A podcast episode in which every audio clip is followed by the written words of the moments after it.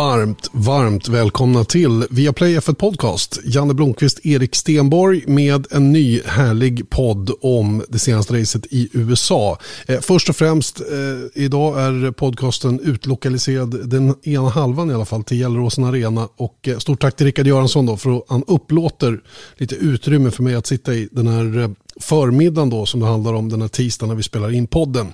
Podden som annars kommer att handla en hel del om USAs Grand Prix givetvis. 400 000 åskådare hörni, det är väldigt, väldigt många det som kom över de tre dagarna. Eh, visserligen många som kom alla tre dagarna så att man kan inte riktigt räkna det så, men det är en imponerande siffra.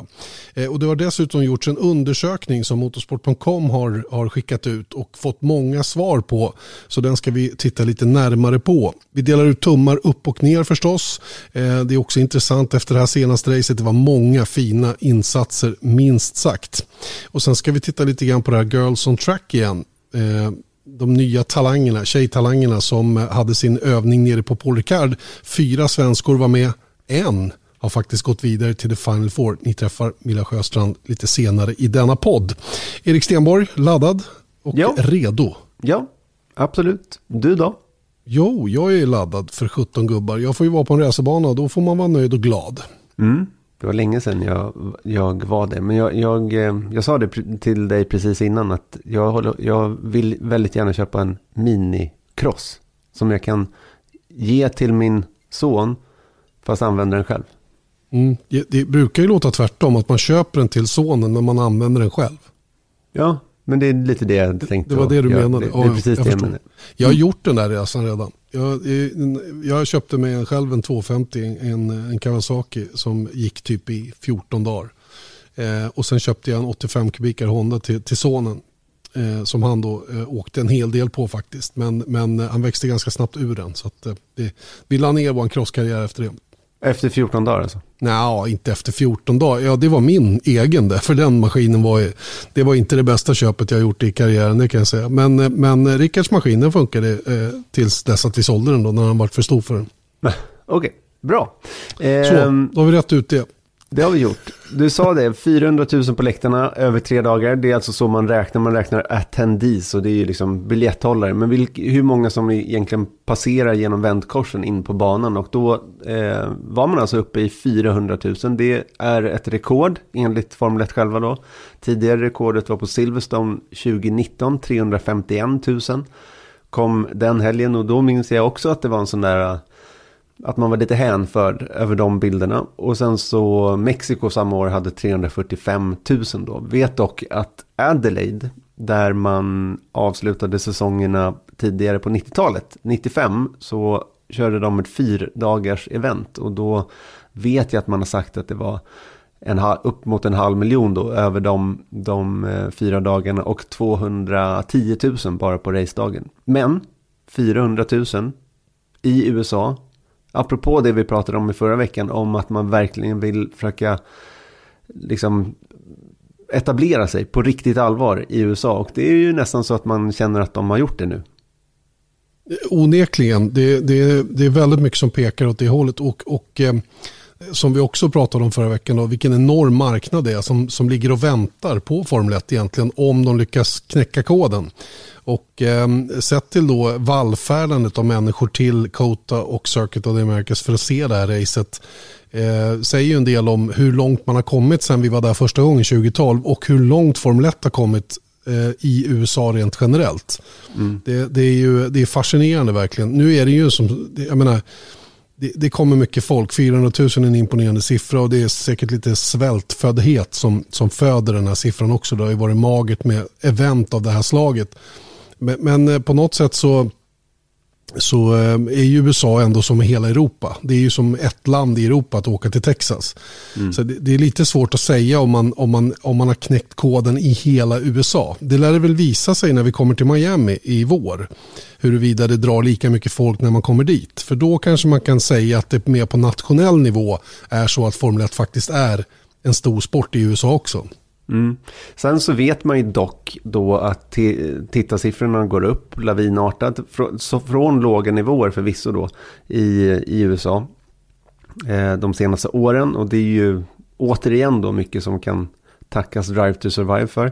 Eh, men sen så, jag läste också en artikel på NBCs hemsida med lite reaktioner från Nascar efter den här helgen. För i söndags, ungefär samma tid, så körde de på Kansas. Eh, de är ju inne i sitt slutspel i, i Nascar då, vilket ska vara liksom viktigt. Men det lite lustiga då, utan att liksom späka Nascar, var ju att förarna där blev lite, ja, det, det liksom målas upp så i den där artikeln i alla fall, att de börjar bli lite så här, det Nascar håller på med är att anordna race, medan Formel 1 håller på att anordna event. Och det är det som gör att man lockar då 400 000 personer över en helg. Då. Och då 140 000 tror jag att det var sagt att det var där på, bara på söndagen. Och i Kansas då så räknar de med någonstans mellan max 70 000 då. På en stor oval liksom. Så det var inte alls fullsatt ens. Och då fanns det också en, en intressant statistik i att sen Formel 1 var i USA senast, alltså 2019, så har Nascar tävlat 72 gånger sedan dess. Och det, det menade, jag tror att det var Kyle Busch som är en av deras stora stjärnor då, som menade att men är det att vi kör lite för mycket, vi kör 38 race om året, eh, blir vi lite redundant i jämförelse med, med Formel 1 som är verkligen ett event. Och det är ju lite det som var Sebastian Vettels poäng som han uttalade sig om i, i för någon vecka sedan. Så är det ju. Eh, man kan ju räkna det här på lite olika sätt. Visst, de kör 38 race och de har, säg att de snittar på 50-60 000 på varje race. Så får ju de ihop en imponerande siffra åskådare i ett land dessutom bara. Eh, och jag tycker inte man ska jämföra det på det viset. Det är visst är det så att Formel 1 gör ett event av ett annat slag och man försöker leva på tre dagar. Det är ju till och med så att man försöker att liva upp de här tre dagarna med sprintar. Mm. För att ännu mer göra det här till ett event. Och räknar vi, räknar vi eh, om de kör 38 race i, Indycar, eller i Nascar så tycker vi det är mycket över en säsong. Men om man ser till Formel 1 som gör 22-23 race gånger tre dagar så blir det rätt många det blir rätt många dagar också. Om vi kan ja, kalla det över hela världen också. Precis. Va? Så det, det, det, jag tycker det är, en, det, är en, det är en dum jämförelse. Det är två helt olika marknader som, som, som kräver olika av sin publik. Eller publiken kräver olika av dem. Så, så att, eh, jag tycker Nascar ska göra sin grej. De gör det bra och de attraherar folk. Eh, och jag tycker jag uppfattar ju att de som gillar Nascar och kollar på det eh, är nöjda med produkten. De är nöjda med playoffet som det har blivit. Det var ju också lite omdiskuterat. Men det funkar. Och, mm. och folk som gillar den typen av racing älskar verkligen det de ser. Eh, Formel 1 är någonting annat. De gör en annan pryl. De bygger sina, sina söndagar med två dagar dessförinnan. Då. Dels eh, träningar, förberedelser, träningar, kval och race. Och vi, puritanerna när det gäller Formel 1 de vill inte heller ha det på något annat sätt. Och där gnisslar det över att man inför en sprint för att pigga upp eh, alla tre dagarna lite grann. Så mm. det, det, jag, tycker det är, jag tycker det är spännande. Det som jag tar med mig av alltihopa det här det är ju att intresset är på väg upp ändå. Att det är så många som är intresserade. Det gillar jag. Vilket är också lite Nascars poäng, tror jag. För att Nascar är starkt, men det är inte alls lika starkt som det en gång var. Och de kämpar också med nedåtgående siffror, medan Formel 1 behöver inte kämpa för de, de siffrorna är på väg upp i landet då. Så att, eh, det är klart att det, det är lite äpplen och päron, men, mm. men eh, intresset tävlar de om ändå, även om det inte är samma fanbase. Nej, och en sån här helg blir det ju extra då eh, naturligtvis eftersom de kör samma helg då. Det blir en rak jämförelse och det, sånt ska man ju alltid akta sig för givetvis. Jag tror inte Nascar är speciellt intresserad av några raka jämförelser heller och inte Formel 1 heller för den delen. Eh, så att, eh, men, men roligt i alla fall och man kan ju konstatera att vi har kommit en bit på vägen då sen, sen pandemin startade till det vi såg i söndags eller hela den här helgen egentligen. Verkligen, alltså det, det, är ju nästan hisnande faktiskt att, att se. Och speciellt då, man kan ju dra det kortet också. att Smittspridningen i Texas är ju ganska hög. Så att det är ju lite så här skräckblandad förtjusning måste man väl ändå säga när man ser att det är så otroligt mycket människor. Förvisso utomhus och sådär men det är klart att det finns eh, liksom klumpar av folk också. Så att eh, ja, vi får se hur det går helt enkelt. Ska vi gå in på den här um, undersökningen då som Motorsport Com har gjort. Ja, en fansundersökning då där man eh, ställt ett antal frågor. Eh, man har fått mycket svar, vilket också tycker jag är positivt sett till intresset som sporten genererar just nu. Mm. 167 300 har svarat på den här enkäten då från 187 olika länder. Och snittåldern på de som svarade är 32 år och 18,3 procent är kvinnor. Det är liksom statistiken man kan ha med sig in här. Och det var därför jag tänkte att det var lite spännande att ta det här just i samband med när vi har pratat mycket om, om eh, liksom ökande siffror. Och vad som är kul tycker jag med det här det är att snittåldern är så låg. Jag trodde den skulle vara mycket högre. Det var ju ett problem, eller det är ju ett problem motorsporten haft. Att eh, det har varit en alldeles för gammal, för ålderstigen kundkrets och alldeles för mycket män. 32 år i snittålder och hela 20 procent nästintill då är kvinnor. Det är ju siffror som, som talar sitt tydliga språk. Det håller på att vända där också jag ska nog klargöra det där lite. Att det här är på de som svarade. Det här är demografin på de som svarade. Så att de som svarar på enkäten är, är Visserligen, men, men det är ändå så. Jag tror att det ändå är siffror som, som är positiva i det avseendet. Mm, absolut, för en annan statistik då, om vi ska gå in på liksom svaren där så, och ge någon form av liten så analys kanske vid vissa tillfällen. Så är det för fem år sedan så gjorde de den senaste den här enkäten, 200, eh, 2017 var det. Och då svarade 12 procent av eh, de som svarade på enkäten att de följt sporten un, under, eh, börjat följa sporten inom de senaste fem åren. Och i år är den siffran 34 procent. Vilket tyder på att det faktiskt har ökat med nya fans. Och det har ju varit ett problem för Formel 1. Att det har varit mycket fans men det är samma fans hela tiden. Och de fansen blir äldre. Vilket det här tyder på någonting annat då. Exakt, och det, det tror jag de ser väldigt, väldigt positivt på från sportens sida. Att man hittar nya, en ny kundkrets som bygger på bakifrån. Då. Allt det här med virtuell racing och hela den biten hjälper naturligtvis till där också. Mm. Och av de serier som eh, de här fansen följer utöver Formel 1 så skårar eh, World Endurance Championship och MotoGP högst. Men siffrorna har faktiskt fallit lite i jämförelse med den förra undersökningen då 2017. Indycar är faktiskt den snabbast ökande serien. Sen 2017 har följeskaran gått upp med 51 procent. Och, eh, är, och 28 procent av F1-fansen menar att de följer Indycar aktivt nu mer. Och eh, den som är sämst på listan är eh, rallycross-VM. Och har precis över 5% endast då. Så det av alla man kunde välja på, på um, den här um, undersökningen så, så är Indycar snabbast växande utöver Formel 1 och rallycross-VM är den som går sämst. Mm. Och vilken, um, vilket, vilket uppsving för Indycar som också var lite eh, sömnigt en, en period för, för några år sedan men som verkligen håller på att tagga igång. Och jag tror faktiskt att det hänger ihop mycket med ankomsten av sådana som Marcus Eriksson, eh, Romain Grosjean med flera då som har kommit in i det här mästerskapet. Scott McLaughlin från, från Australien från en helt Fernando annan typ av Alonso, racing också. Fernando Alonso, precis. Va? Vi kan eventuellt ha Nico Hülkenberg på väg in och har ju varit och testat nu då för, för Arrow McLaren eh, och, och sådana saker. Va? Och där, eh, jag menar, börjar, börjar Indycar attrahera Formel 1-förare av, av den kalibern och i större, större skaror Eh, Eh, då, då tror jag att den siffran kommer stiga ännu mer. Men eh, spännande tycker jag. Absolut. Sen har vi Christian Lundgård från Danmark också som, som istället då för att gå F1-spåret nu har bekräftat då att han ska köra för Real-stallet nästa år då. Och han är alpin junior så att han släpper väl det sannolikt då. Men det är väl också för att platserna i Formel 1, nålsögat är så himla litet så man behöver andra ställen att tävla på helt enkelt. Och tidigare har det kanske varit lite väck i någon sån här prototypsklass eller att köra fabriksförare för Porsche eller någonting sånt där. Men nu är ju faktiskt Indycar en, ett väldigt attraktivt eh, alternativ. Visst är det så. Och, och det, jag tycker att det har varit lite sömnigt tidigare vad man skulle göra med sina juniorer. Man har nästan bara släppt dem och så har karriärerna bara dött ut. Jag menar, kommer ni ihåg Fabio Leimer? Till exempel mm. som vann GP2. Vad gör han? Ingenting. Eh, idag, idag, hade han vunnit GP2 motsvarande idag, då hade han ju naturligtvis haft mycket större möjlighet att hitta någonting spännande och kul att köra. Eh, istället mm. för att bara sluta helt och hållet. Mm.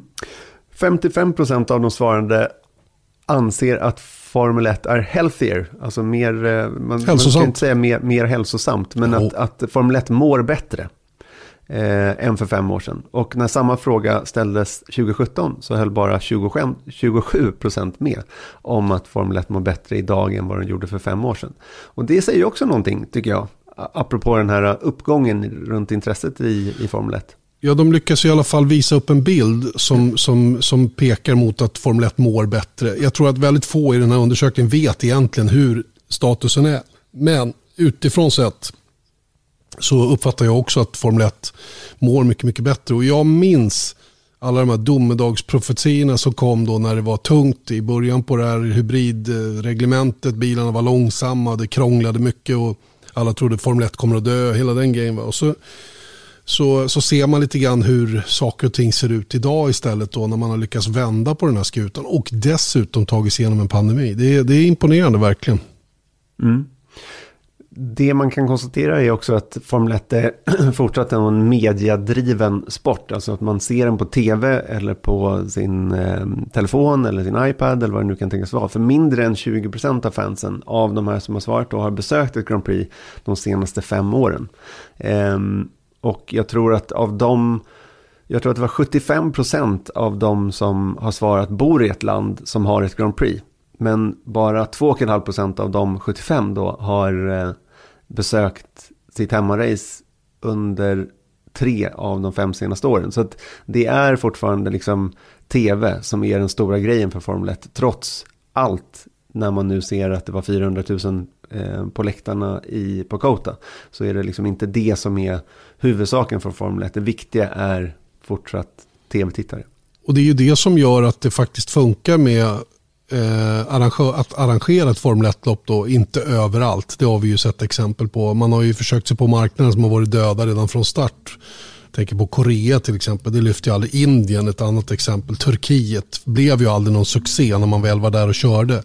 Så att, eh, men, men, men kan man, i och, med att, i och med att Formel 1 är spritt över hela världen och man har sällan tid eller möjlighet eller råd ens att åka på mer än ett race lite då och då men, men har en så stor damm att plocka folk ur så att säga. Så blir det mycket folk på arenorna samtidigt som ögonen på de olika plattformarna eh, finns också. Och det är, ju, det är ju det som är succéreceptet egentligen. Och det är därför sponsorerna är på väg tillbaka. Mm, det tror jag också. Sen så om man tittar lite på vilka race som är viktigast för de här Formel 1-fansen. Och då har man liksom rankat fyra race som untouchable. De får man absolut inte mista. Hey, I'm Ryan Reynolds. At Mint Mobile, we like to do the opposite of what Big Wireless does. They charge you a lot, we charge you a little. So naturally, when they announced they'd be raising their prices due to inflation, we decided to deflate our prices due to not hating you. That's right. We're cutting the price of Mint Unlimited from $30 a month to just $15 a month. Give it a try at mintmobile.com slash switch. $45 upfront for three months plus taxes and fees. Promote for new customers for limited time. Unlimited more than 40 gigabytes per month. Slows. Full terms at mintmobile.com. Eh, det är Monza, Silverstone, Spa och sen så Monaco. Det där eh, racet som alla har så mycket hatkärlek till. Så, som, och efter varje Monacos Grand Prix så sitter vi, inte minst i den här podden, och säger så att, att nu är folk upprörda över att det inte blev ett bra race. Samtidigt då så är det ett race som ingen vill bli av med. För att det är ett så klassiskt race. Mm. Undrar vad det beror på egentligen. För, eller, eller det beror väl kanske på att det är väl de mest, det är väl de mest uh, racing, uh, hardcore racing-fansen som, som, som vill ha race snarare än att man kör på gatorna i Monaco. Det är ju så mycket mer än racet, eller det är egentligen allt annat än det, racet. Det är mer som, historia. Precis, ja. det är allt annat än racet som är grejen med, med just Monaco. Eh, visst, det är ju fortfarande så att den som vinner Monacos Grand Prix och är snabb där, den är ju en väldigt, väldigt duktig förare. Och det är, väl liksom, det är ju därför den räknas som en av the triple crown också. Mm. Om man ser till vilket race som har fått mest ökad fan-appeal, alltså vad, hur, hur, översätter du det? Fan-appeal?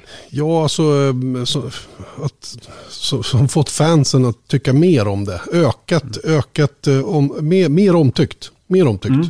En, sen senast då, mm. sen 2017. Och då är det Baku vi pratar om. Baku City Circuit, Azerbaijan Grand Prix. Vilket inte är så konstigt, för började de inte köra där 2016? Ja, det ska Någonstans där. Mm. Och eh, den här undersökningen gjordes då 2017. Jag vet inte vilken tid på året. Men det första racet i Baku var ju katastrof. Och sen så därefter så har ju eh, Azerbajdzjan faktiskt levererat otroligt bra och spännande race. Tack vare den där långa raksträckan då. Eh, så det är inte så konstigt kanske. Men det är ändå roligt då att ett, ett, eh, det här bespottade racet som man liksom, du vet, vi, vi pratar så himla mycket om att ja, det är 18 000 betalande på över tre dagar där liksom, och ingen bryr sig om det och sånt där. Men på tv, där är det många som tycker att Baku är bra. Mm. Är det sportswashing som faktiskt funkar? Ja, I varje fall för racets skull. Jag vet inte om folk, eh, med tanke på hur många som besöker eh, racet i in person så att säga, så, så är det ju eh, åtminstone ett bra race. Jag kan bara gå till mig själv, hur, för jag har ju nämligen varit där, förutom nu senast då, eh, alla gångerna, sen det startade. Och jag har verkligen sett förändringen i staden också som, som gör att hela min upplevelse av Baku har också förändrats. Första gångerna, första två gångerna tyckte jag var, det var, inte, det var direkt olustigt att vara där. Jag, jag gillar det inte alls. Jag eh, vet inte riktigt vad det var, men det var liksom så här, det kändes eh, artificiellt och märkligt och hela det där området där banan ligger var ju på ett sätt och resten av stan på något helt annat. Nu börjar de här två gå ihop lite grann och det ser trevligare ut.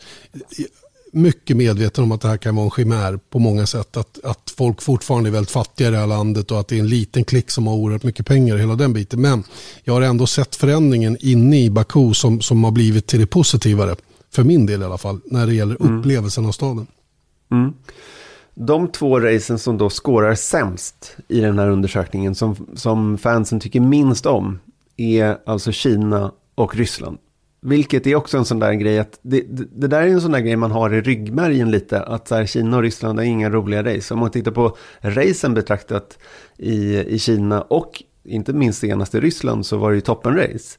Men det är väl också hela liksom upplevelsen runt det. Och det är väl en, ett, ett mjukt värde nästan. Att man inte gillar liksom omgivningarna på tv-bilderna kanske. Tänker jag. Mm, det är möjligt att det är det som det handlar om. Eh, jag, jag är, det, men det sjuka är att nu det, vi pratar om ökad fanappeal för Baku. Ja, jag hänger med den. Och sen så tycker jag exakt likadant om Kina och Ryssland.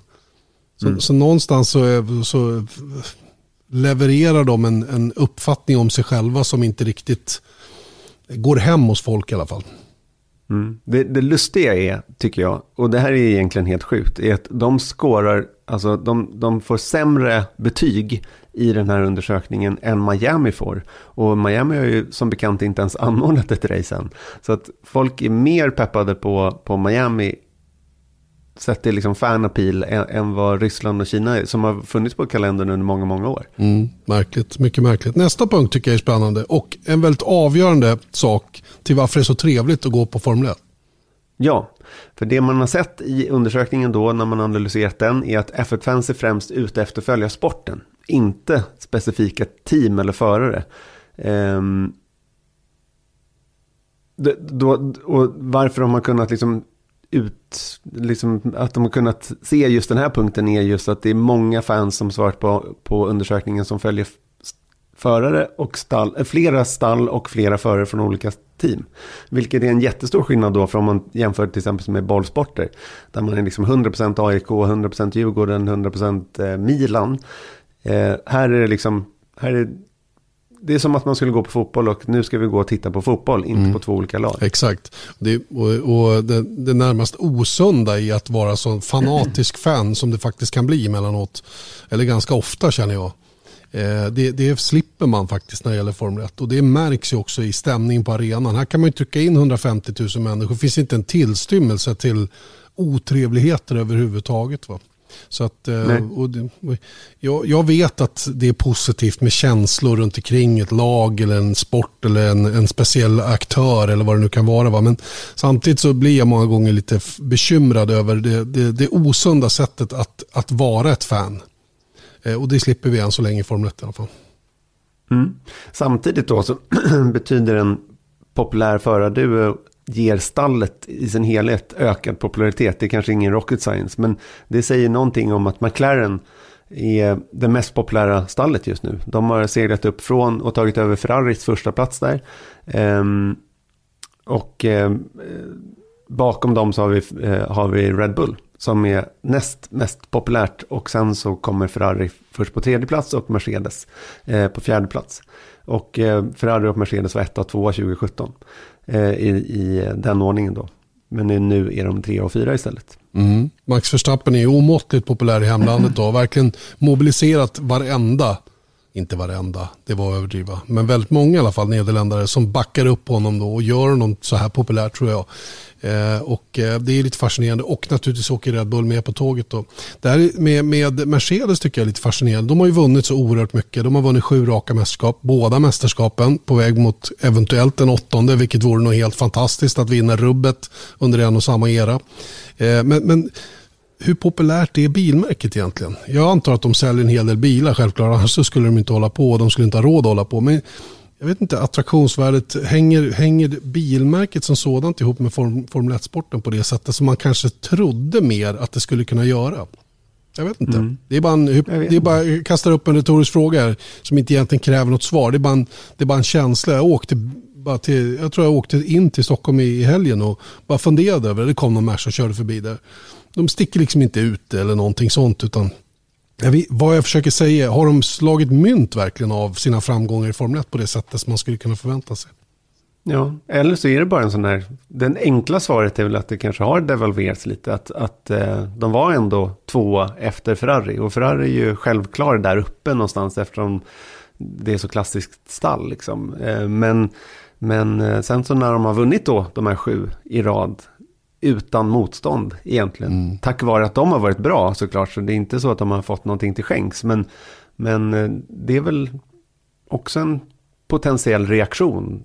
Att man inte liksom gillar dem på grund av det. Liksom. Nej, så kan det absolut vara. Och märk väl, jag, har ing, jag tycker Mercedes är säkert är en fantastisk bil. Jag har inte jättemycket erfarenhet av dem. Det, det handlar inte om kvaliteten på bilen som det jag pratar om, mera deras appeal om man säger så. Då. Mm. Max Verstappen nämnde du där runt Red Bull och han är också den som är mest populär i alla grupper som har svarat på den här enkäten. Då. Eh, en tredjedel hade honom eh, i deras topp tre och 14,4% hade de honom som favoritförare av alla de här 167 000 som svarade då. Och det är inte bara i Nederländerna utan han är också nummer ett i USA och i Japan. Eh, Lando Norris inte långt bakom, trots att han inte vunnit ett enda race i Formel 1. Tycker jag att det är ändå lite spännande att han, och han är ganska ny. Eh, ändå så har han eh, en tvåa på listan generellt då. Eh, över 40 procent, alltså fler än Max Verstappen hade Lando Norris i deras topp tre. Eh, och 13,7 procent hade honom som favorit. Och det här är ännu mer intressant då att i åldersgruppen 16 till 24 år är han den absolut populäraste föraren utan konkurrens faktiskt. Och även samma sak då bland kvinnliga fans. Mm. Så Lando Norris är urstark i eh, sett till popularitet. Säkerligen mycket med hjälp av Twitch. Eh, streamingtjänsten som han har haft och att han har interagerat med fans via den kanalen eh, tror jag har hjälpt, hjälpt honom en hel del. Jag säger inte att det är hela sanningen men, äh, men han är ju en charmig kille, ingen tvekan. Och jag förstår verkligen att folk tar honom till sig på det sättet som de verkar göra. Och i synnerhet de yngre. Jag, jag träffar ju en del i min närhet så att säga då, som ofta nämner, dels nämner de McLaren som är ett team som verkligen är på väg upp rent intressemässigt och, och, och, och som har många bakom sig. Ett spännande... De är nummer ett. Oh, sorry. Ja, de är till och med nummer, nummer ett. Ja. Mm. Och, och sen båda förarna då, där den ena är nu lite äldre då, Daniel Ricciardo, men jag menar kolla hur han var i, i USA nu, han bjöd ju 100% på sig själv. Och så Lando Norris då som är den där lilla spjuvern som, som inte bara är spjuver utan vansinnigt snabb dessutom i att köra. Mm. Lewis Hamilton, han är alltså trea på listan över, generellt då, över hela, hela spektret då, eh, i popularitet. Men han är etta i, bland fans över 45 år. Så att han, det är också lite lustigt tycker jag att det är så här, Lando Norris är solklar etta bland de yngre. Någonstans där i mitten så kommer Max Verstappen och Lewis Hamilton som är liksom gammal i gamet. Han är ju eh, lastgammal vid det här laget. Vad är han? 36-37? Eh, och eh, då är han först eh, populär bland plus 45. Och min analys där är att han har en mycket vuxnare, han har ett mycket vuxnare sätt att möta sin publik. Väldigt allvarlig numera, skriver eh, meddelanden till massorna så att säga. Då, där han hänvisar till att man ska må bra och tänka positivt och hela de här grejerna. Va? På ett helt annat sätt än Lennon Norris skulle möta sin publik. Och, och, jag tror att det spelar väldigt stor roll. Och sen har han ju, ehm, ja, han har ju sina framgångar givetvis att luta sig mot också då, som säkerligen gör att han ligger högt i topp hos många. Eh, men, men att de är lite äldre tror jag är just att Hamilton försöker ju, han försöker ju tvätta bort stämpeln av att vara en idrottsman. Så uppfattar jag att Hamilton är. Han försöker vara en världsmedborgare på ett annat sätt. Och det mm. kanske attraherar lite äldre människor. Jag har ingen aning om det är det som, som gäller. Så ser jag i alla fall på Lewis Hamilton. Så kan det vara. Topp 10 bland förarna är i alla fall, för att dra hela listan då. Eh, Max Verstappen nummer ett, nummer två Lando Norris som sagt, Hamilton trea. Daniel Ricciardo eh, är fjärde man på, på listan och det är ju kanske det som då gör att McLaren är så högt rankat eh, som nummer ett. Eh, sen har vi faktiskt efter Ricardo Sebastian Vettel på femte plats. Eh, det tycker jag att, det blir jag lite förvånad över faktiskt. Med tanke på att det var ett tag sedan han, han skördade sina framgångar och så vidare. Mm. Och apropå liksom en vuxen framtoning, då är ju Sebastian Vettel en gammal gubbe. Till och med i jämförelse med eh, Lewis Hamilton. Så är det ju. Eh, ja, jag är lite förvånad också att, det, att en sån som Leclerc inte kommer före. Eh, för det trodde jag. Nej. Jag trodde han skulle mm, vara med i det unga gardet. Ja, precis. Men han är ju på, på uppgång också ska man eh, tillägga då. Men han är först på sjätte plats. Fernando Alonso är på sjunde plats. Åttonde plats är ingen faktiskt. Det var de som inte hade någon favoritförare alls. Hamnade på åttonde platsen då. Eh, Kimi Räikkönen kommer därefter. George Russell och sen så Pierre Gasly. Är rundar av liksom topp 10. Mm. Känns som att det är de man förväntar sig där uppe på den övre halvan då utav dem. Um, Ja, några saker till. Det var det, det, var det helt enkelt mm. ifrån den här undersökningen. Väldigt spännande tycker jag. Det är bra att de gör de här undersökningarna emellanåt. Jag kan ju tycka att det är FIA som ska vara avsändare, inte en, en publikation. Men för publikationen motorsport.com så är den här informationen väldigt, väldigt viktig också givetvis för hur de ska rikta sina nyheter och produkten som de försöker att sälja in hos folk. Då. Så att jag, jag, förstår att de gör den då och de gör den väl i samarbete med federationen och, och, for, och Formel 1 ja. mm. framförallt för att de ska kunna dela information då, för det är ju oerhört nyttig information att få. Mm. Lyssna på Viaplay för Podcast, Janne Blomqvist, Erik Stenborg. Eh, USAs Grand Prix ska vi nu prata om. Ni har hört eh, lite grann om att det var mycket folk på plats i USA senast. Vi har hört om den här undersökningen som nästan 200 000 människor svarade på. Och eh, det var intressanta svar många av dem. Nu ska vi grotta ner oss i själva racet och vi har ju tummarna, en på varje sida och den ska antingen upp eller ner. Precis, eh, och eh, till att börja med så ger vi två uppåt-tummar till, på en och samma gång till Max Verstappen och Lewis Hamilton. Jag tycker att båda förtjänar, i samma liksom, eh, kategori så att säga, så förtjänar de sina uppåt-tummar. För det var liksom 100% säkerhet från de båda, inga misstag, men Red Bull var bara snabbare. De gjorde allt de kunde, upplevde jag, båda två. Maximerade det de hade, men sen så blev liksom gick Max Verstappen vinnande ur striden. Men Lewis Hamilton kämpade lika hårt och hade lika gärna kunnat vinna om han hade bara haft en lite snabbare bil. Yeah, it was uh, quite tough out there. Um, I think we had very good pace on the medium, even though, of course, I, I lost uh, the, the, lead in the start. Um, we went very aggressive on the undercut. Um, and then on the hard, I think, yeah, it was a bit the other way around. It seemed like we were stronger on the medium and they were stronger on the hard tire. So then, of course, Lewis was catching um, and he was putting the pressure on again. So then we had to go again quite aggressive for the last stop to the end. Um, and then, uh, yeah, he was uh, going long. He had quite a big tire advantage to the end. Um, and of course, I could see him coming from behind. And uh, yeah, there's always a question mark of can you hold on, can you, can you not? Um, and I just had enough in the tires to, to keep him behind. Because at the end of the day, I'm just focused on my lap times, and you cannot force things, right? So if he comes by, he, you know, he gets you, and um, yeah, I was just trying to do the best I could, you know, trying to save the tires in some places, and uh, yeah, luckily, luckily it worked out. But of, of course, also a bit tense uh, with two laps to go with the back marker uh, coming into play because when you are really struggling on your tires, whatever dirty air you have in front of you is not helping.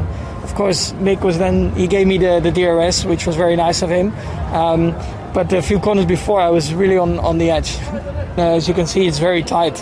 Um, and uh, of course, I could have also easily lost points today. Um, so it's a big bonus that we gain points. And uh, yeah, it's going to be very exciting to the end, I think. Yeah, I don't. Well, we lost track positions, everything, I guess, and we lost it uh, already at the beginning. Uh, well, after the first stop. So um, yeah, I, I, thought that we, by being able to go longer, I thought we were in a better position, but they were just too strong. They've been stronger all weekend, and uh, I just, yeah, I think it's the rear end of their car. You know, they lost less downforce than us this year. Yeah, struggled here with the heat and uh, couldn't convert it at the end. Ja, där hörde ni de två längst fram, ettan och tvåan Max Verstappen och mm, eh, Lewis Hamilton. Då. Och, eh, bara en reflektion från min sida då, hur, eh, hur, eh, vilken fantastisk säsong det är med de här två, vilken ynnest det är att få följa det här. Eh, om, om, om den som inte har begripit det ännu så är det här verkligen på Senna Prost-nivå, det vi ser för närvarande. Eh, och, och den här säsongen kommer det att pratas om länge. Eh, det intressanta är också att det är lite omvänt förhållande i år jämfört med tidigare säsonger där Red Bull har kanske det lilla övertaget totalt sett men där eh, Mercedes ändå försöker att hitta små luckor i deras A lot can happen in three years, like a chatbot may be your new best friend. But what won't change? Needing health insurance. United Healthcare Tri Term Medical Plans, underwritten by Golden Rule Insurance Company, offer flexible, budget friendly coverage that lasts nearly three years in some states. Learn more at uh1.com. Say hello to a new era of mental health care. Cerebral is here to help you achieve your mental wellness goals with professional therapy and medication management support. 100% online. You'll experience the all new Cerebral Way an innovative approach to mental wellness designed around you. You'll get a personalized treatment plan from a therapist, prescriber, or both in a safe and judgment free space. Your cerebral therapist or prescriber will outline a customized plan with clear milestones along the way so you can get to feeling your best. With Cerebral, you're not alone in your mental health journey. We're here to empower you to live a fulfilling life. So take that first step towards a brighter future and sign up today at cerebral.com slash podcast and use code ACasts to get 15% off your first month. Offer only valid on monthly plans. Other exclusions may apply. Offer ends July 31st, 2024. See site for details. Försvar på något sätt. Va? De hittade en där Hamilton tog starten men Förstappen hade ju inga som helst problem att underkatta sig förbi och skaffa sig en ganska rejäl lucka, en lucka som i slutändan räckte. Men, men jag tycker Mercedes försök att göra som de gjorde var otroligt imponerande och vilken fin körning av båda två. Eh, ta Max Verstappens inledning på sista stinten, hur han kör långsamt så snabbt det går. Tänk dig mm. själv tålamodet som krävs för att inte slå pällen i botten och bara liksom ryckas iväg. Eh, han hade fått betala dyrt för det om han hade gjort på det viset. Va? Nu var han kall, han gör saker i år som, som man inte har sett från Max Verstappen tidigare. Han är oerhört redo att bli världsmästare. Jag säger inte att han blir det, men han är redo att bli det mentalt och, och förmågamässigt. Mm. Jag skulle vilja uppa det där du sa tidigare med, mellan att det är en Senna-Prost-rivalitet. Jag skulle säga att det är en Rowdy Burns mot Cole Trickle-rivalitet till och med. Så, så stor så pass. Är den. Det var värst. Ja. Eh, du gjorde en annan reflektion här, att, att Hamilton är så pass nära som han är då. Eh, det är ju rätt stor skillnad i dem, deras, eh, deras säsonger, det får man ändå säga. Och det är egentligen märkligt att inte Red Bull leder mer än de gör. Ja, jag tycker faktiskt det. För det, apropå det du sa, att, att jag tycker det var så himla tydligt i söndags att eh, Mercedes liksom verkligen försöker lyfta sig själva i håret för att hänga med. Och de lyckas ju ändå, trots allt, att, eh, trots att eh, Hamilton kom tvåa. Men om man tittar på statistiken då så att Hamilton ledde i söndags 9, 11 varv. Och det är alltså lika många varv som han har ledit de senaste nio racen tillsammans. Så Red Bull är bara snabbare och då blir det ju svårt att liksom även en Hamilton som tar en start. Och normalt sett så ska ju han bara dra ifrån och man kan liksom ligga mycket hårdare på. Men jag menar, i, i söndags så låg ju Verstappen liksom inom en sekund hela tiden. Och då, det ska ju slita däck och det ska ju vara jobbigt på massa andra sätt. Men det är så himla tydligt tycker jag, åtminstone i söndags, att Red Bullen var så otroligt mycket snabbare, eller mycket, mycket starkare som paket. Totalt sett, Så att mm. Hamilton hade liksom inte kunnat göra någonting annat än vad han gjorde. Nej, verkligen inte. Och det leder oss in på nästa tumme som faktiskt går till hela teamet Red Bull. Eh, Adrian Newey tillbaka vid depådisken. Jag, jag säger inte att han har gjort skillnaden för det har varit lite halvtungt ändå för Red Bull. Inte minst i Turkiet och så kommer de hit och har toppform igen. Eh, Adrian Newey då som är mannen bakom bilen rent teoretiskt i alla fall. Han var ju med om en cykelolycka och varit lite borta ett tag. Men nu är han tillbaka.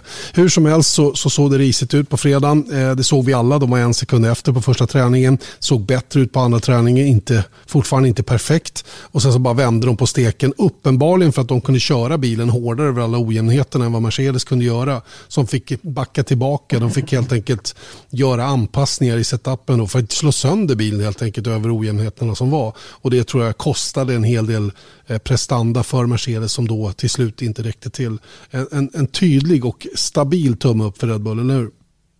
Mm, det här är ju nästan exakt det man såg Mercedes göra. Att det spelade nästan ingen roll att även om de var sexa, sjua på träning ett så visste man ändå att men de, kommer, de kommer komma tillbaka. Och nu har liksom Red Bull börjat visa samma tendenser. Att det spelar liksom ingen roll vart de startar för de kommer ändå vara med till slutet. Sen så apropå det där med Adrian Newey så undrar jag, det, det har jag tänkt på många, många gånger de senaste åren. Är att med tanke på hur stallens liksom design offices ser ut. Jag menar det är ju hundratals personer. Sen leds den av en James Allison eller en Adrian Newey eller en... Kanske till och med en grupp.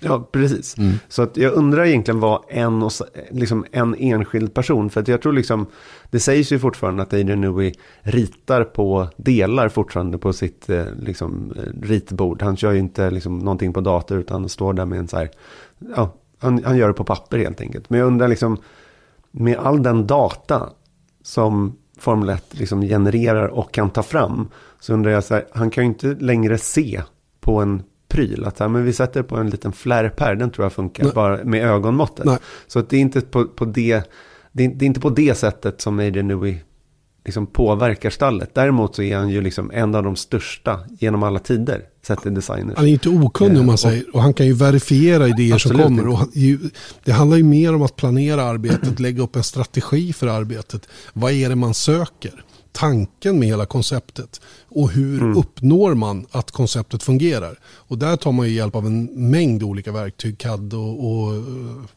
CFD och allt vad det nu är.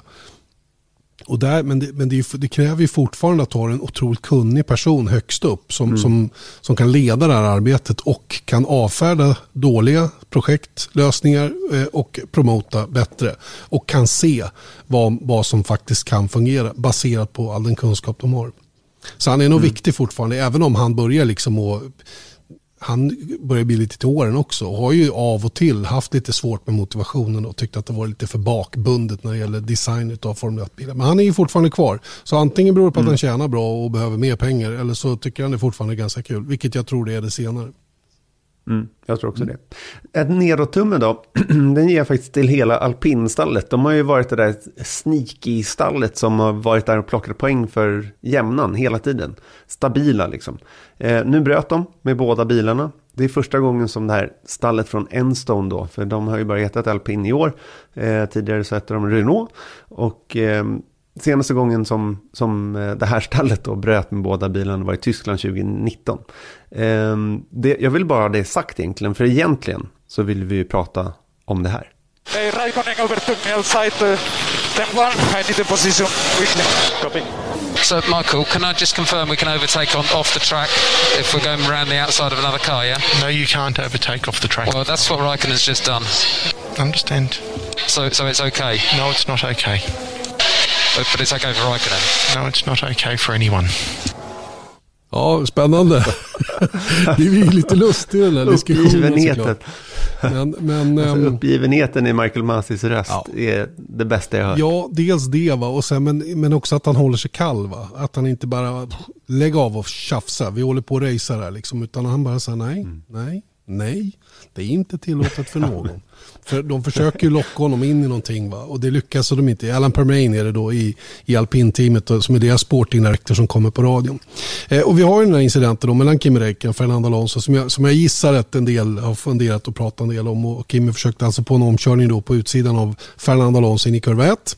Eh, Alonso tränger ut Kimi så mycket han kunde vilket gjorde att Räikkönen till slut då hamnade utanför den vita linjen som var avgränsningen. Eh, men kunde ändå till slut fullfölja omkörningen och ta sig förbi. Alonso givetvis irriterad som vi hörde och snabbt på radion att han ville ha tillbaka positionen vilket domarna inte tyckte var nödvändigt.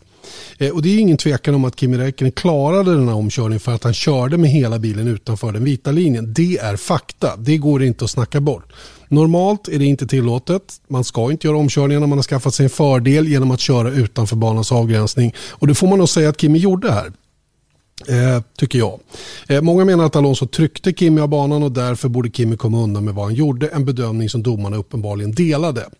Eh, jag personligen eh, kan tycka då, baserat på andra liknande situationer då, att Fernando hade rätten till kurvan genom att vara före in han hade liksom race-spåret in och han bestämmer tycker jag då hur mycket utrymme föraren som försöker köra om, i det här fallet då Kimi, ska ha i utgången. Eh, det är dessutom en marginal, in, marginell inbromsning och det kan vara svårt att, och, som förare bedöma exakt var man själv kommer att hamna i utgången. Och det är en risk som omkörande bil får ta i det här läget. Eh, jag är 100% klar över att Fernando Alonso medvetet pressade upp Kimi så långt han kunde för att få honom att backa ur och vika ner sig. Eh, men som bedömningen har sett ut tidigare så har ju föraren som är först inrätt att välja spår och den som är bakom måste anpassa sig. Så, så Det är lite så jag ser på det. Va? Nu blir det ju återigen banan här som tillåter den här typen av körning utanför avgränsningen och i det här fallet hade tävlingsledningen bestämt att den vita linjen gällde efter att ha tagit bort de extra gula korvarna som normalt skulle stoppa förare från att göra på det här viset. Eh, och hade dessa varit kvar till racet så är jag tveksam till om Kim hade klarat av den här omkörningen. Och det är det här som är lite problemet tycker jag. För jag vill verkligen se omkörningsförsök av det här slaget men det blir problematiskt när det inte finns några fysiska avgränsningar. Och i gårdagens fall så tycker jag att Alonso hade rätt. Han borde ha fått tillbaka positionen av Kimi baserat på vad man hade bestämt i förväg och hur de har dömt i liknande situationer. Eh, så att det, blir tokigt det här. Va? Bestämmer man att vita linjen är det som gäller, då måste den gälla. För du kan flytta den där vita linjen längre ut om du vill det. Men den ska fortfarande gälla och jag tycker inte att det gjorde det i det här fallet. Va? Sen det Alonso höll på med senare då för att fåna sig med Giovinazzi och frustrerad mot domarna och sådana saker. Det tycker inte jag hör hemma på en racerbana. Men, men i situationen med Kimmy så tycker jag personligen att han hade rätt. Vad säger du? Ja, men om vi tar det där med Giovinazzi så var, var ju att han, han liksom gav igen Alonso. Alltså att han, han liksom drog rakt av i, i, um i liksom av, liksom, ja, utanför banan helt enkelt. Och det var inte det som gjorde att han, att han kunde ta sig om, utan han håller ju sen fullt egentligen på väg in på banan. Och då får han liksom ett bättre spår och kan ta Giovinazzi därefter. Det tyckte ju domarna inte var okej. Och det var ju det som hela snacket runt eh, med, mellan eh, Alpin och eh, Michael Masi då på, på FIA handlade om. Att så här, okej, okay, det är okej okay att göra så här nu för att Kimi Räikkönen gjorde det. De dömde inte eh, bort Kimi, men de dömde bort Alonso i, i den senare incidenten. Eh, alltså min, min känsla runt allt det här, det är ju att jag förstår reglerna. Sen så tycker jag att det, det, är återigen den här problematiken med att, att det finns så himla mycket regler runt det. Komplicerar det ju. För jag skulle väl hävda att kurva 1 och den kurvan, jag vet inte vilken kurva det, det var, var 12. som Alonso gjorde. Men bortsett från 12, vi håller oss till ettan. Vi, vi håller oss jo, till jo. den situationen. Ja, men absolut. Mm. Då, I så fall, om vi bara håller oss dit. Jag vet att du vill hålla det till, till, Ja, för det är bara ett case menar... det handlar om. Det andra var ju bara fåneri. Det var ju liksom bara, det var trams, det var cirkus. Men det är den första grejen som jag tycker är intressant. Ja, för jag skulle vilja ta det i större perspektiv i alla fall. För att kurva 1, ja. Om det är vita linjen som gäller så är det svart, vitt, eh, på, i regelboken att det är den vita linjen som gäller. Nu gjorde det inte det för att domarna sa att det var okej. Okay, eh, vilket jag tycker rent svartvitt är inkorrekt då. Det är det jag menar. Men det är just hela problematiken i att det, säg att det är 20, säg att i snitt då 15 kurvor på, eh, per bana och så kör vi 22 race i år. Så det är liksom hundratals olika kurvor. Varje kurva måste bedömas eh, annorlunda det finns ingen som är den andra exakt lik. Det, dessutom varenda om, omkörningsförsök i alla de här hundratals kurvorna kommer se annorlunda ut. För att två bilar som ska köra om varandra kommer aldrig gå att replikera. Det var det som jag tyckte var så dumt när de höll på med det här med, med när Red Bull höll på för att bevisa saker mot FIA efter incident på Silverstone mellan Hamilton och Verstappen. Att de skulle då liksom göra någon form av facit med Albon senare. Liksom. Det, det, det gäller inte. För att allting är så himla... Varje incident måste bedömas för sig, helt enkelt. Och jag tycker att alla, all de här reglerna... Jag, egentligen så tycker jag att det är förarna som är, som är dummast. För de drar det till sin spets hela Varför tiden. då, då, tror du? Då, där, ja, men för att de kan tjäna på det. Men jag tycker också att det, det blir en, en konstig situation. För då hamnar vi i sådana här diskussioner hela tiden. Mm. Nej, men det, det är ju, det, det är ju ehm, jag, för personligen så tror inte jag att Permains anmärkning var hängde ihop med det som hände i kurva 12. Jag tror att han bara pratade om kurva 1. Han frågade kort och är det tillåtet att köra om på utsidan? Ja, men Kimmy gjorde ju det. Nej, men det är inte tillåtet. Jo, men Kimi gjorde ju det. Han höll sig till den. Det, det som Alonso höll på med sen, det var ju efter att ha fått besked om att Kimi inte, då blev det liksom, då skulle han hålla på och tramsa. Så det, det är därför jag menar, den isolerar jag vid sidan av. Eh, jag tycker den intressanta diskussionen är ju, för det det är ju som att ha en offside-linje i hockey som man hade, eller som man har, den blå linjen. Det fanns till och med en red, en red line offside tidigare, men det gör inte den blå linjen. Ja, men det, det går ju liksom, är man, är man över, före pucken över, ja, då, är det ju, då blir det avblåst. Hur nära eller tajt det än är och hur snyggt mål man än gjorde. Förstår du? Och det är likadant i racing kan jag tycka. Ja men det här är en cool omkörning. Men nu var det bestämt att den vita linjen gällde här. Ska inte den gälla då? då? Och, och, och då, då blir det så här. Och det är väl det här, den här inkonsekvensen i, i bedömningen som jag tror att Alonso är irriterad över. Och som många andra har varit irriterade över också när de själva blir drabbade. För det är ju alltid så när man blir drabbad, det är då man börjar liksom att känna fan det här var inte så bra. Och eh, återigen, hur, hur ska de göra då? Då har vi det där gamla ja men sätt en mur där så är det ingen som kör där ute. Ja men det kan man inte göra för det är ju farligt.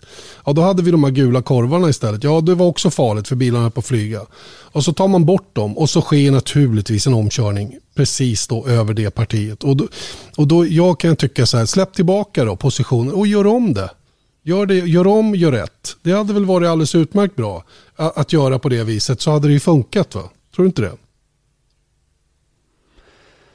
Jo, absolut.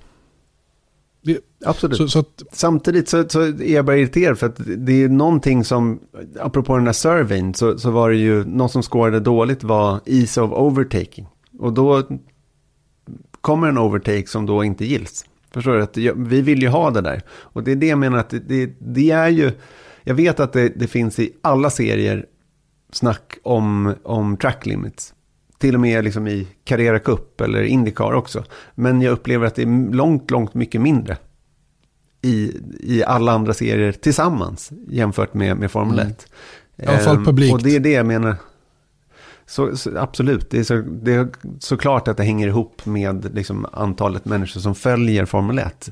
Men, men eh, på något sätt så kan jag, jag kan ändå inte skaka av mig känslan av att så här,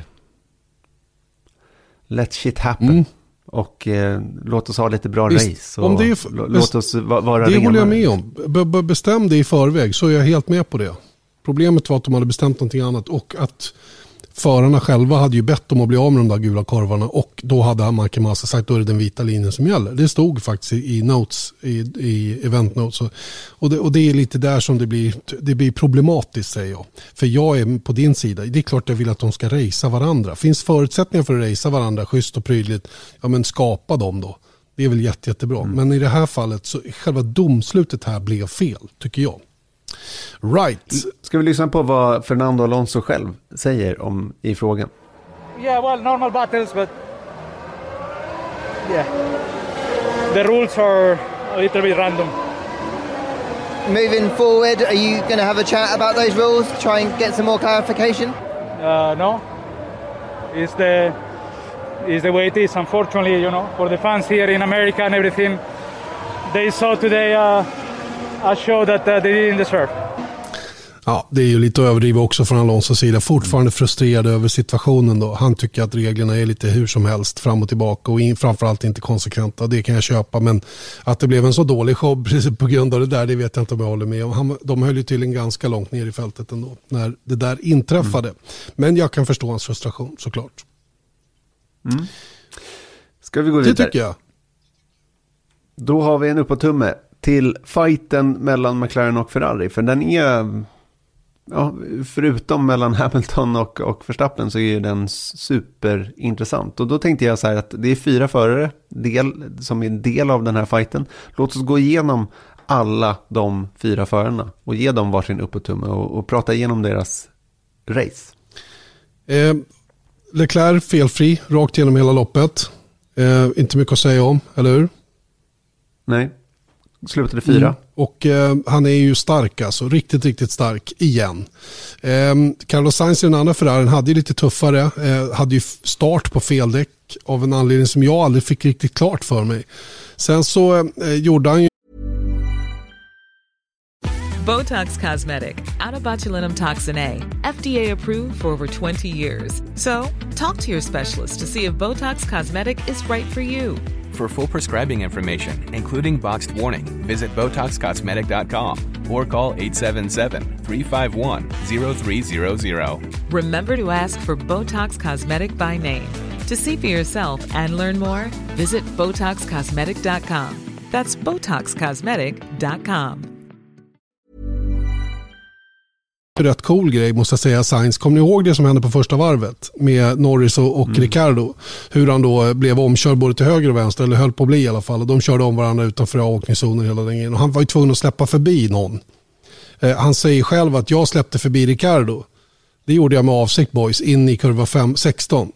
Eh, men han blev ålagd att även släppa förbi Lando Norris. Och eh, han var ju naturligtvis irriterad över det och var på radion och sa till teamet, ja men du, det, vi har pratat med, med Fia, det går inte, du måste. Så var ska jag släppa förbi dem? Gör det precis innan du kommer ner mot kurva 11. Så han släppte förbi Norris innan mätpunkten för DRS ut på långa rakan. Det här syntes aldrig i tv. Han släppte förbi Norris eh, före DRS-mätningen, såg till att få DRS på Norris och körde helt sonika om honom igen på långa rakan. Så att han förlorade mm. egentligen ingen, ja han tappade några sekunder, för han låg några sekunder framför Norris när det här hände.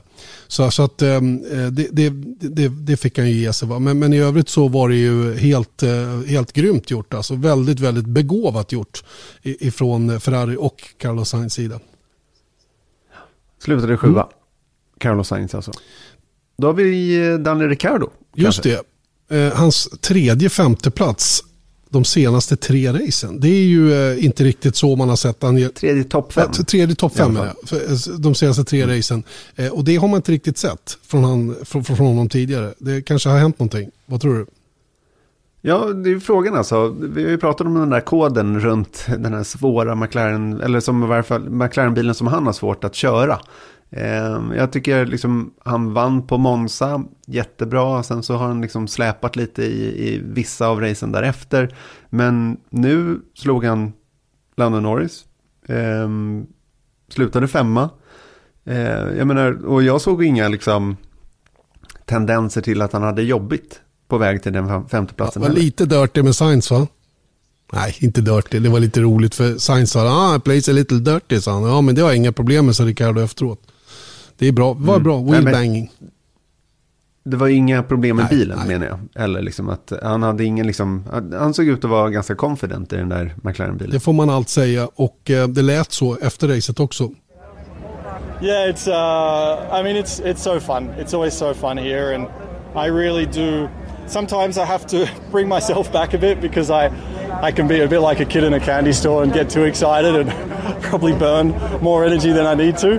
But uh, but no, I uh, I just enjoyed enjoyed being here. And obviously you know some of these places we've returned to this year we we'd missed them for two years. And so it's uh, I think even in a normal season when we only get to go to a place once it's sometimes you think it's not even enough. So to miss it twice you know it, uh, it's it's definitely good to be back. And I think it's just been overwhelming here at the track in the city the the crowd the the kind of atmosphere that's surrounded you know the the Grand Prix this weekend it's I've never seen it like here in Austin before and um, I remember the first year was wild when we came here but it's it's grown so much, and uh, yeah, hopefully, uh, hopefully the race was exciting enough to keep keep everyone entertained. But fortunately, there was sun, and I'm sure some cold beers flowing for everyone in the stands. So I saw a few shoeies on the drivers' parade as well, so that was good. So yeah, all is well. In terms of your race, it was one hell of a race. I know when you got out of the car and I saw you, you looked exhausted. You gave it everything out there. Massive battle with Ferrari. Great to outpace Ferrari where they looked stronger here. Yeah, I was. Um, um, what was I going to say? Yeah, I, I, was. Let's say happy, happy with the outcome of the race. As uh, as you touched on, we we weren't faster than Ferrari today, and, and I think Charles demonstrated that. You know, in clear air, he, he was able to pull away, and we couldn't really touch him. Uh, and then Carlos was putting pressure on me the whole race, and, and, we actually had a really good battle the first lap. We went back and forth, I think, three times, and I managed to get him, and that, that set up set up my race and, and allowed me to, to fight for fifth. So that was really important.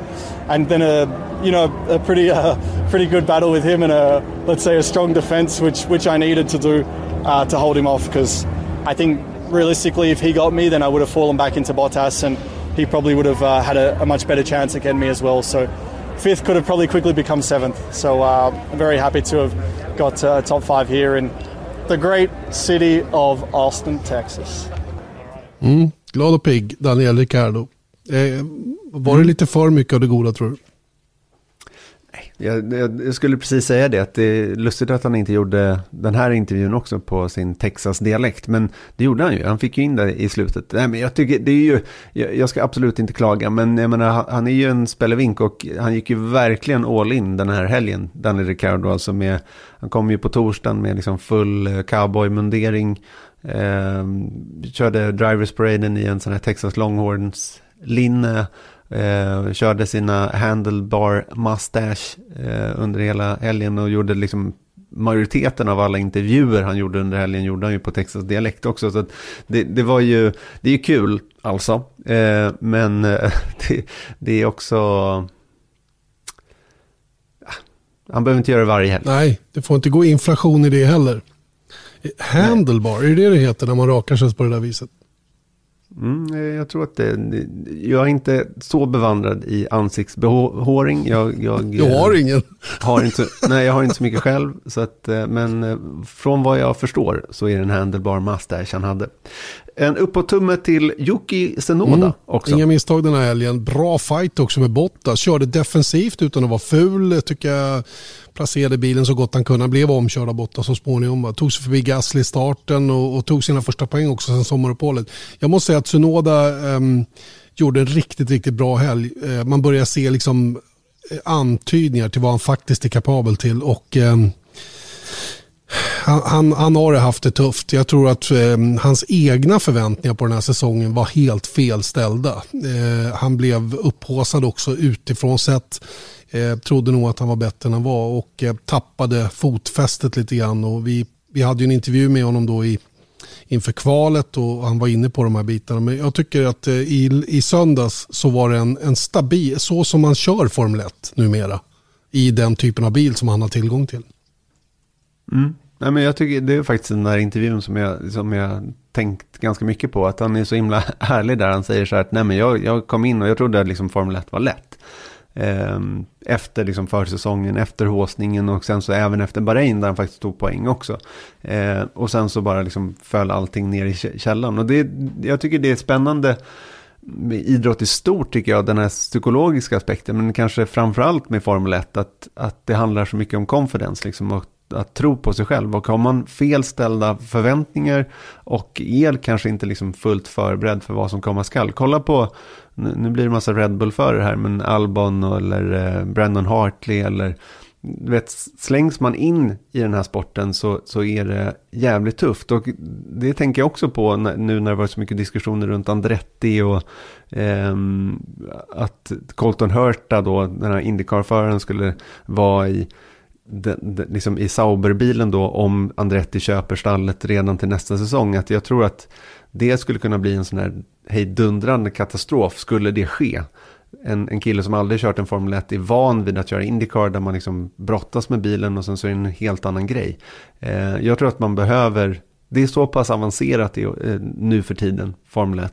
Det är så specialiserat Formel 1. Så att jag tror att eh, det är så jävla Mm. tufft. Och, och föraren, i Formel 1. föraren är en mycket mindre del i framgången än vad det är i Indycar.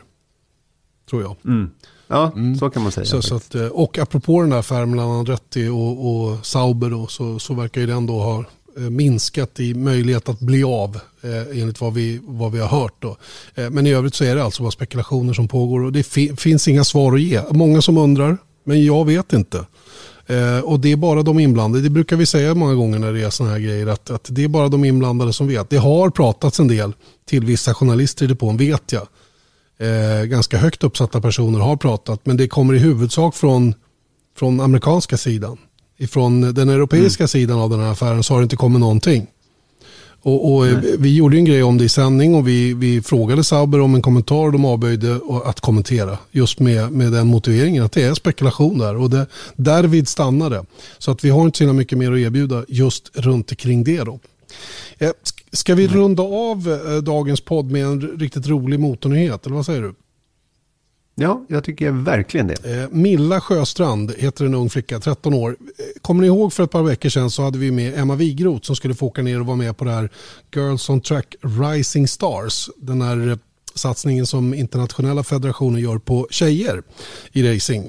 Eh, där hon var en av, jag tror hon var 26 om jag minns rätt. Totalt 26 eller 28 då, som hade blivit nominerade. Det var många, många fler som var nominerade från början och hela fyra tjejer fick chansen att åka ner. En av de här tjejerna nu, Milla Sjöstrand, har gått vidare till the final four. Och det finns två kategorier. Den ena är ju för juniorer där man siktar på en, en, en plats i Ferrari Driver Academy när det gäller karting och sen är det en senior där man eh, siktar på en plats i Ferrari Driver Academy fast i en Formel 4. Milla Sjöstrand har inte åldern inne för storbil än utan hon gör juniordelen och nu är de alltså bara fyra tjejer kvar. Så vi, eh, vi eh, säger stort grattis givetvis till Milla då efter hennes fina insats så här långt. Ja, tack så mycket. Det var helt underbart. Eh, vi kom dit, eh, det var incheckning, vi fick alla grejer. Eh, jättetrevliga. Vi lärde känna väldigt många av de andra förarna. Alla var väldigt eh, sociala mot varandra och eh, trevliga. Sen eh, började ju körningen. Så vi hade körning en dag, sen hade vi ju eh, tester en dag och eh, sen var det en eh, uttagning så att de tog bort eh, fyra stycken, nej de tog bort eh, sex stycken. Eh, och eh, sedan så var det åtta stycken kvar till eh, nästa dag där det var körning igen och sen så eh, och tester. Och sen så gjorde de en utvärdering och eh, tog ut fyra stycken som ska gå till final i Italien. Eh, hur gick de här testerna då? Var det svårt? Vad var det som var svårt? Eh, Jag tyckte det är ganska bra. Eh, Vi började ju fredagen med bara körning eh, och eh, då eh, workshopsutbildningar. Så att eh, det tyckte jag gick eh, väldigt bra. Eh, Sen eh, på lördagen så gjorde vi olika tester. Det var som eh, till exempel trycka på olika knappar som reaktionsförmåga. Eh, Vi hade som ett eh, typ eh, tangentbord med olika och en skärm, pedaler. Eh, och så var det olika färger eh, och olika former på knappar. Eh, så att när det var ett ljud till exempel skulle man trycka på en form. Medan om det, var, om det kom upp på skärmen en färg så skulle man trycka på det eh, kontra ja, men pedaler och så. Man skulle kunna kalla det för ett mentalt gym, eller hur? Ja, men exakt. Mm. Och sen vi gjorde ju massa fler saker som ja, men, vikter med ratta, ja, rattar och eh, sådana saker. Så att, eh, jag tyckte vissa saker var lite enklare eftersom att jag var där i fjol. Eh, Medan vissa saker var ju också nya och eh, lite mer utmanande. Själva körningen då, där känner du dig trygg gissar jag. Eh, ja, jag känner mig ganska trygg där eftersom att eh, vi kör eh, klassen OK Junior eh, som jag också kör hemma i Sverige. Så jag känner mig ganska trygg där och jag kunde ju banan redan sedan innan. Och ja, på fredagen när vi hade körning så ja, då hade vi först eh, tre eh, sessions som eh, ja, träningar, eh, 12 minuter och efter varje eh, träning så gick man igenom eh, väldigt bra dataträning med Winfield som eh, var coacher. Sen så hade man en eh, ja, kvalificering eh, och eh, det gick väldigt bra. Ehm, så, och sen så hade man en som kallade Superpole. Så man skulle ut, göra ett eh, utvarv, tre pushvarv och ett invarv. För de ville se hur snabbt man kunde ja, men, göra push. Och sen gjorde man en final på fredagen som var 15 varv för de ville kunna se att man ja, men, kunde hålla konstanta tider som att man inte tappade till slutet till exempel om man blev trött. Eh, och eh, ja, sen var det ju ingen körning på lördagen och sen, gjorde du, sen var det ju uttagning och sen på söndagen så var ju vi åtta som var kvar. Vi gjorde ju olika tester och så. Sen så eh, på körningen så hade vi samma upplägg bara att vi hade två träningar istället. Och, eh, och sen ja, men, eh, kvalificering, superpole och final fast 20 varv. Och eh, har du fått någon feedback efteråt? Vet du vad det var som tog dig vidare till Final Four? Eh, jo, men eh, jag, hade, jag var ju väldigt snabb. Eh, jag låg ofta eh, i toppen, eller vad man ska säga, och jag tyckte, jag tyckte jag gjorde bra prestationer på de flesta. Och vi hade också eh, som eh, intervjuer med juryn där man verkligen skulle eh, förklara och eh, berätta varför man själv tyckte att man själv skulle kunna gå vidare. Och varför, om man hade gjort ett misstag, vad berodde det på? Förbättrade man sig efter man gjorde misstaget? Vad förväntar du dig av det som komma skall nu då? Vad väntar när ni kommer till Italien senare i höst? Vi har inte fått eh, reda på vad som händer, men det enda vi vet är att det är fem dagar förmodligen som man är där. Eh, en vecka i november eh, på Lenato nere ja, men i Italien. Sen har vi med Ferrari då som väljer ut eh, en av oss fyra som är där. Eh, men mer på detaljer vad vi ska göra och sånt har vi inte fått reda på. Vad har du för förväntningar då? Vad tror du, vad tror du om dina chanser? Jo, men det är ju såklart, eh, nu när vi ändå är i final så vill, är det ju såklart att jag siktar på att vinna.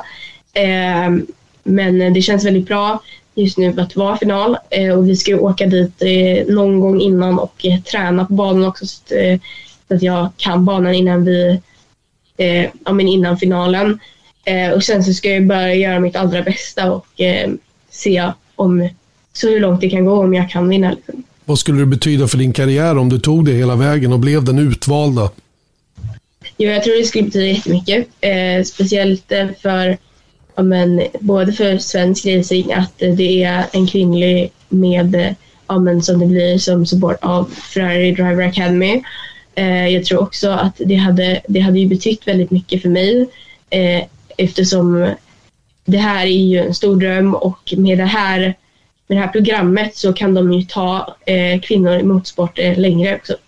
Stort grattis då till avancemanget till Final Four i Girls on Track Rising Stars som alltså anordnas av det internationella bilsportförbundet där en plats i Ferrari Driver Academy är på spel. Milla Sjöstrand, jätteroligt att det har gått så här bra hittills. Nu håller vi tummarna inför den här veckan i november då, att det går hela vägen. Tack så jättemycket. Mm, framgång. Föder framgång. Ja, det måste man säga. Jag hoppas verkligen att, eh, att det här går hela vägen. Det, vi kan inte... Vi, vi har pratat så himla mycket om det där, att hur coolt det vore med en kvinna i Formel 1. Jag menar, Milla Sjöstrand har en lång väg eh, kvar att eh, vandra. Men, men tänk, tänk om det mm, kunde bli. Verkligen, vilken spännande tanke.